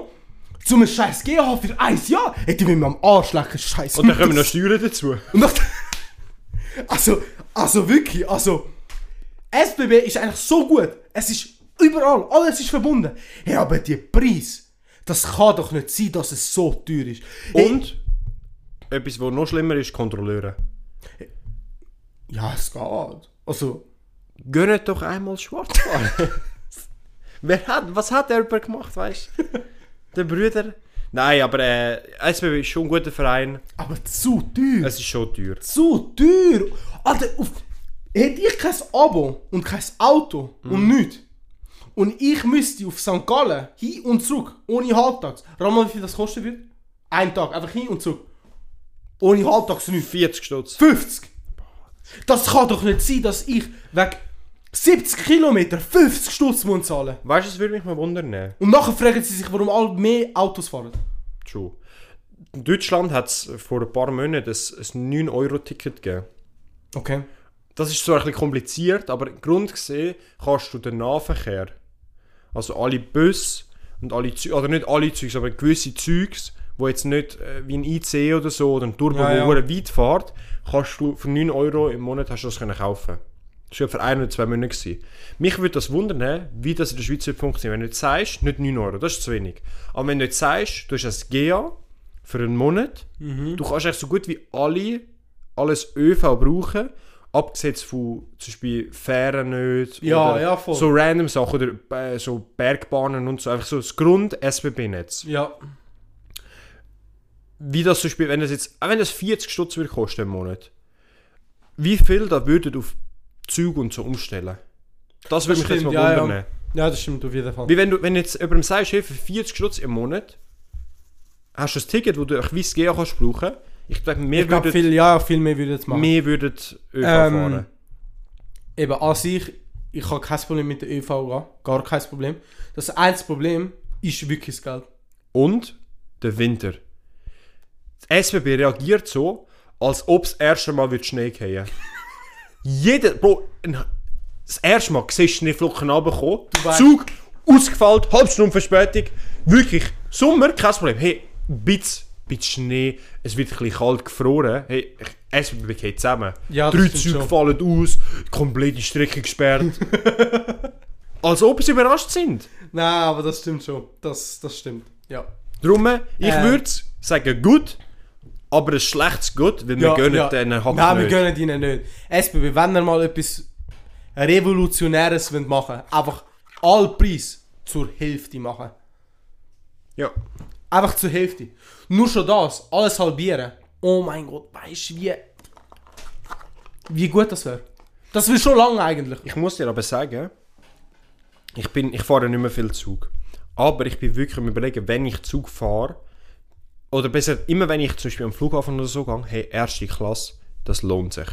Ich weiß, aber Bro, das zahlst du ja noch mehr. Du zahlst wirklich viel, aber wenn man sich das mal gönnt, du wirst so angeschaut von diesen scheiß Banker in diesen Zeugen, wenn du so, so ein Jugendlicher hineinkommst, die denken so, ja, was macht jetzt der auf der Tour? Du sitzt an und du hast auf deine Ruhe. Kein Kind, kein Platz. Nein, das, du hast schon recht, aber ich sag ehrlich, lohnt sich das? Also weißt Für gewisse Situationen schon. Ja, logisch. Nicht aber- täglich, nein. Aber wenn du mal irgendwo Das Ding ist angehst, halt, stell dir vor, du zahlst für die erste Klasse, nachher gehst du in den Ausgang und nachher denkst du so... nein, im boah. Ausgang nicht. Ja, aber ich meine jetzt im Allgemeinen, du gehst Ja. raus, gehst mit Friends raus, nachher siehst du, der Ding ist überfüllt, der Zug. Du als Erstklassbild denkst, boah, easy, kein Problem, Hm. aber deine Kollegen nicht. Aber ich habe das genau gebraucht, wegen dem. Jetzt musst du dir vorstellen, am letzten UK bei uns. Unser UK war schon lustig, gewesen, aber ich habe mit diesen Leuten nicht wirklich etwas gemeinsam. Weil das sind äh, die typischen Detailisten halt. Oh. Ja. Und dann habe ich wirklich äh, das als Ausrede genommen, dass ich nicht mit ihnen können eineinhalb Stunden, zwei Stunden Zug fahren Weil du Erstklasse Ich habe Erstklasse gekauft, ich muss das brauchen, sorry. Und ich habe die Zugfahrt noch nie so genossen. Darum, ich würde sagen, es gut, aber halt eher hinten. Easy, verständlich. Ich kann das nächste Bild nicht erkennen, ich weiß nicht mehr, Ga was es ist. Ganache, wie äh, Ah, äh, stimmt, äh, Garandasch. Garandasch. Die, das sind Farbstift, die Schweizer Farbstift. Die krassesten Farbstift. Hey guys. In der also- Schule werden die immer gemuckert Hat etwas. und die sind einfach sackenteuer. Ja, das, ja, das weiß So einen grossen Farb kannst du 400 Stutz. Bah. Also ich als Künstler und ähm, Intellektuelle. intellektueller ähm, ähm, Mindset-Haber von Kunst, ähm, ich weiß, dass äh, es gut ist. Mhm. Und, aber wie du schon gesagt hast, sind schon recht teuer. Und Ja. sie gehen auch schnell kaputt. Schon. Ja, also etwas, was mir aufgefallen ist, du spitze, spitze und wenn du eine scheiß Spitze hast, geht die Spi- geht die Spitze immer kaputt. Du könntest ein Argument bringen, kauf dir einen besseren Spitzer, aber eh, alles im Leben kann man nicht haben. Darum, Das ist ja so. eh, Wenn du so viel Geld für das ausgibst, dann würde ich auch, dass egal mit wem Spitze ich spitze, Ja. dass du einen guten Spitz hat. oder dass gerade einen Spitzer vielleicht dabei geben, einen kleinen. Und dabei auch noch spitz bist. Boah, das ist ein bisschen viel spitz. Gsi ja im Satz, aber gut. Ähm, Aber du checkst, was ich meine. ich verstehe, was du willst sagen. Ich sag dir ehrlich, ich würde. Gut. Ich würde sagen gut, weil es ist, es hat eine absolute Daseinsberechtigung. Ja. Ja. Jetzt. Das letzte Das letzte, Guys. und eine richtige Bombe. Brötli und. Schokistängel. Oh mein Gott. Also ich muss sagen, Die beste Schweizer Erfindung ever. Fick auf Franken. Ähm, ich finde persönlich, dass es geil ist. Mhm. Sehr. Ich aber als Kind habe nie wirklich viel mit dem zu tun gehabt. Was willst du jetzt damit sagen? Ich hatte Schokostängel. gehabt. Aber das Brötli nicht. Okay. Weißt du? Ja, das, das erklärt es eigentlich sehr gut. Also ich finde es krass, immer wenn sie in der Schule austeilt wurde. Ja, das stimmt schon, das stimmt schon. Boah. Also ich muss sagen, die Schokostängel, das ist die Schoki, wo alle Ausländer aber äh, zu ihrer äh, Familie bringt. Das sind wirklich so Ja. große 50er Packung, das ist die Schoki, die wir runterbringt. Jedes einzelne Jahr. Vor allem, die kann man gut verteilen, weißt Die kann man gut verteilen, ey, schau, verschiedene Farben, auch wenn alles Obwohl, immer gleich- ja, das ist gleich Schoki. Ey, Und die denken, das wäre ein Weltuntergang. Ja. Sind immer gleich froh. Aber ich finde es wirklich, Nein, es ist gut. Gut ist auf jeden Fall. ich find's wirklich geil, weil es ist so simpel und so gut. Wo würdest ich will es aber nicht Top-Tier. Ich will es gut. Ich würde gut, gut oder schlecht, gut, gut, oder sch- äh, schlechtes Top-Tier machen. Nein, Top-Tier. Schon. Nein, ich, ich stimme nicht für Top-Tier. Gut, dann machen wir es gut. Gut. Ganz. Ubi gut. Okay. Das Problem ist, wir können jetzt die Tier jetzt nicht anschauen. Also können wir nicht gerade sagen, was wir gemacht haben. Aber. Wir Hey, blenden euch die ganze Höhle ja, neu also ihr ein. seht sie. Ja, aber ich sag dir, ich glaube, wir haben das wirklich gut. Wie viel haben wir in unnötig? Eins. Das äh, Schallending. Wir haben ein paar, hätte ich gesagt. Das. unnötig. Jodeln. Wandern. Haben wir Wandern Ich auch? weiß es nicht. Hey, ich sag dir, ich kann- Schwingen. Schwingen haben wir auf Schwingen unnötig. haben wir fix unnötig. Nein, man, ich glaube, wir haben überall ein bisschen. Der Teller. Ja, eben, der Teller, ja. Der Teller. Ich glaube, die meisten sind bei gut und mit. Ja. Aber ey, es ist verständlich. Also, Ich denke, wir haben euch vielleicht ein bisschen Gedankenstoß gegeben, auch mal über die Sachen ein bisschen nachdenken. ja, wirklich, weil. Wann redet ihr sonst mal über Globi? Wenn ihr älter wie 16 sind. Wir haben euch einen Gefallen gemacht. Vielleicht kommen wieder ein paar Kindheitserinnerungen auf mit dem Schokostängeli. Mit dieser Kuh. Oder mit der Kuh, keine Ahnung. Mit der Zahnfall. ja, wirklich. Wirklich. Äh, ja, nein. Also, ich habe es geil gefunden. Ich habe es auch wirklich lustig Wir können ja gefunden. noch ein bisschen reden. Also ich will den Podcast jetzt nicht so abrupt beenden. Wenn du, Nein. Hast du noch etwas, was du willst? Ich muss, stimmt, ich habe auch noch etwas, was ich will ansprechen Okay. Und zwar das neue Drake-Album. Ah, ja. Der 21 Savage. 21, 21. 21, can you do something? Also, 21. die Memes, sind crazy. Top-Tier. Und jetzt musst du dir vorstellen, letzte Woche habe ich beim Arbeiten Echt nicht mehr, echt nicht mehr normale Musik laufen lassen. Ich habe gedacht, jetzt muss ich mal das ein bisschen in die Hand nehmen und habe äh, das Drake-Album laufen lassen. Ja, Ich kann halt zwar nicht können aktiv zuhören, aber. aber es ist okay. Es, Es hat hat- ein, zwei geile, wirklich coole Lieder. Ja, Sehr basic natürlich. das ist eben das Problem. Also, ich finde ich eigentlich, es ist ein easy geiles Album, Mhm. aber es hat nur so zwei, drei Lieder, die wirklich geil sind. Alle anderen sind monoton. Ja. Es ist einfach immer das Gleiche, finde ich. Ja. Mit dem gleichen Rhythmus und alles. Und genau die, die eben spe speziell sind, 21, can you do something for me? 21, can you call the... Nein, can you call the cops, äh, ops for me und alles. Hey, wirklich, noch nie so einen Drake gesehen. Wirklich. Und dann Drake seine Insta-Stories. Alter, äh, äh, ich habe sie live gesehen. Ich habe sie ja live gesehen. Alter, anders krass. Bro, der hat einfach- was straight Hentai postet. Ja. Für die, die es nicht mitbekommen haben, ich habe es verpasst, aber er hat einfach straight, ja, straight Hentai gepostet. Und niemand hat es gejuckt. Das ist schon geflasht, Alter. Das ist eigentlich wirklich easy geflasht. Ähm, ja. das ist ja auch passiert, ja, ja. Ähm, ich has, das Lustige ist, ich habe es erst heute gelost. Schon? Ja. Weil meine Freundin, Shoutouts. scheiße Freundin. Nein, weil äh, am Freitag, ich habe ich es falsch verstanden. Ähm, ich habe ihr geschrieben, so, ey, das Album ist draußen. Ja. hören wir es heute Abend. Und sie so, ja voll. Oder sie hat es geschrieben, keine Ahnung. Und entweder habe ich es verstanden oder sie versta falsch verstanden. Aber ich, sa- ich habe es dann extra nicht angelost, damit wir es zusammen können anhören. Und sie hat es dann aber angelost. Allein. Mhm. Und darum bin ich dann so am Freitagabend da gewesen, safe. Und sie so, ja, es ist mit. Und ich so, hä, warum hast du es angelost? Ja, voll. Ich so, hä? voll enttäuscht bin ich gewesen. Dicke Und dann bin ich nie bis, Kommunikationsfehler. bin ich, ich bin nie dazu gekommen bis heute Morgen. Oh, oh, Und darum oh. habe ich es heute Morgen gelost. Aber ich sage dir ehrlich, eben, ich habe nicht mal alle Lieder durchgelost, weil, keine Ahnung, es ist... Er hat ein Lied remixed, was ich geil gefunden habe. Mhm. Ich weiß nicht, wie es, wie es heißt, aber eins ist in der Mitte vom Album. Das erste Lied ist das 21. Das, das ist top. Das Nein, ist eins von der beste. letzten ist auch. Ist, das Ich weiß nicht einmal. Pussy Million oder Million Pussy, das ist hure gut. Ich kenne den Namen nicht, aber ich habe auch eins, das ich richtig geil finde, Easy. weil ich in der Playlist jetzt drin habe. Ja, genau. Äh, das ist gesehen. Dann, was hat's noch? Ja. Im Allgemeinen ein bisschen so aufklären, wie es jetzt ablaufen wird, vielleicht. Stimmt. In der nächsten Zeit. Falls ihr noch zulässt, ich sage euch wirklich. Wieder, das wird eine längere Folge. Das wird wirklich länger. Also mega lang nicht. Wir haben ja vorher schon aufgenommen, ohne dass wir angefangen haben zu reden. Aber sind gespannt. Wir haben, Etwas sehr Spezielles vor eigentlich. wir haben Pläne für, ich sage, die Weihnachtszeit. Ja. Für den Advent. Da haben wir ja immer Fürs Sonntag- Advent, nicht Weihnachten, für Advent. Für den Advent. Ich finde das wirklich geil, dass wir am 12. Uhr releasen am Sonntag. Weil das ist so die Zeit, wo ich als Kind oder als Jugendlicher mit der Familie am Advent immer zu Mitt- zu Nacht- äh, zu Mittag gegessen haben. Mit den Kerzen, Mhm. Winterstimmung. Hey guys, schaut. Wir, machen, wir, wir sind es am Planen. Ja. Wir sagen noch nichts fixes. Nein, nein, wir sagen nichts Fixes, aber wir sind Sachen am Planen und äh, ich glaube, wir werden das Jahr sehr gut beenden. Wie es aussieht, ich, sag's mal, ich denke es mal so, wir werden vielleicht eine kleine Pause machen, Ja, äh, wir nicht weil wir haben jetzt eigentlich wirklich, also dann nächsten Monat im Dezember sind wir straight fünf Monate konstant, ohne einmal Pause, haben wir jede Woche, Woche einmal gepostet. Ja. Und dann haben wir so gedacht, hey, schau, Weihnachtszeit, Pause. Und wir fangen dann das Jahr umso besser an.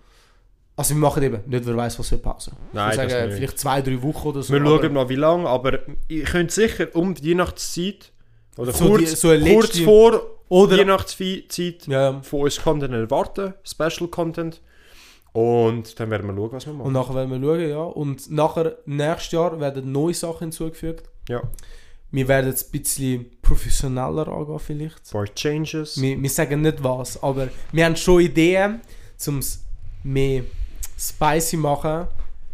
Vielleicht kommen jetzt ein paar Veränderungen schon jetzt im Wald. Mhm. Sind gespannt. sind wirklich gespannt. Also ich bin gehypt as fuck. Bleibt aktuell auf unserem Instagram-Account. Ja, wirklich. Also auf Instagram werdet ihr eigentlich alle News oder Sneak Peeks sehen. Video-Sneak Peeks werdet ihr auf TikTok als erstes sehen und auch die meisten, weil auf Insta posten nicht alle. Ja. Äh, aber auf TikTok werdet ihr auf jeden Fall alle sehen. Aber die wichtigsten kommen logischerweise auf Insta. Äh, aber ja, hey, sind gespannt. Es wird geil. Ja. Für uns wird es recht stressig jetzt. Logisch. Aber eh. das das gehört dazu. Wir machen das Beste daraus. Äh, wenn ihr die Folge gut gefunden habt, bewertet sie, Liket. liket sie, schaut sie auf YouTube nochmal an. Ja. Wenn ihr sie auf Spotify anschaut, macht euch einen Gefallen. Geht schnell auf YouTube, gebt Futs zu mir, abonniert uns. Ja, einfach abonnieren. Einfach abonnieren. Ja, weil- seht ihr. Seht ihr uns? oder wenn ihr uns allgemein jetzt auf YouTube hört, hey, schaut, abonniert uns. Auch wenn ihr so denkt, hm, gar keinen Bock, schaut, abonniert uns und nachher, wenn ihr keinen Bock mehr habt, irgendwann, deabonniert uns. So einfach geht's. Aber für den Moment haben wir etwas davon. Mhm. Ihr habt auch etwas davon, weil ihr immer äh, unsere äh, Videos empfohlen wer- äh, bekommen werdet. Ja. Und äh, so bekommen wir auch ein bisschen mehr den Spice und Motivation, um da weitermachen. Also wir haben es eh sowieso immer. Logisch. Äh, Ich aber würde ja. sogar sagen, heute ist wieder mal Zeit für ein Emoji. Oh, Ich bin jetzt gerade am überlegen, was für ein Emoji. Doch, ich weiß welches. letztes Mal haben ein paar Gesch- vor so fünf Folgen oder sechs Ja. haben wir mal. Nein, fünf ist. Nein, fünf, sechs ist zu lang. Vor fünf Folgen haben wir mal, für die, die das jetzt noch hören, geschrieben gehabt, yo, schickt uns ein Emoji, wo niemand benutzt. Und ich glaube, zwei, drei haben geschickt. Mhm. Ja. Effektiv. Jetzt etwas anderes. Ich weiß was. Und zwar der Smiley, wo nicht ausgefüllt ist, der mit dem dem Strichli. Der gestrichelte Sch- Smiley. Also ich glaube, das ist logisch, weil man meinen. Genau. Schickt Schickt uns den uns auf Insta Auf oder auf, Insta, auf TikTok vielleicht kommentieren irgendwo. oder auf YouTube-Kommentar. oder YouTube-Kommentar. Einfach, wo ihr uns Wenn ihr konsumiert. vielleicht äh, Meinung von unserer Folge habt, hey, schreibt sie uns auf DMs. Wir schauen sicher rein. Wir, Wir, wir, auf jeden Fall. Also wir, sagen jetzt auch schon, es ist falsch. aber wir werden es trotzdem Außer anschauen. die stimmen uns zu, dann haben die recht. Logisch. Aber hey, schaut, danke, dass ihr den besten Podcast auf der Erde ausgewählt habt. zum Hören. Ja, ich bedanke uns von uns beiden, im Namen von uns beiden, fürs Zuhören. Wünsche ich einen ganz schönen Morgen, Mittag oder Abend. Schönen Arbeitstag oder Arbeitsweg. Macht so gut weiter. Ja, Kü- Kuss auf Nuss und die Tierlist ist die wahre. Ja. Die nächste Tierlist kommt erst in 10 Folgen, wenn überhaupt. Also macht euch keine. Also, ciao! Ciao.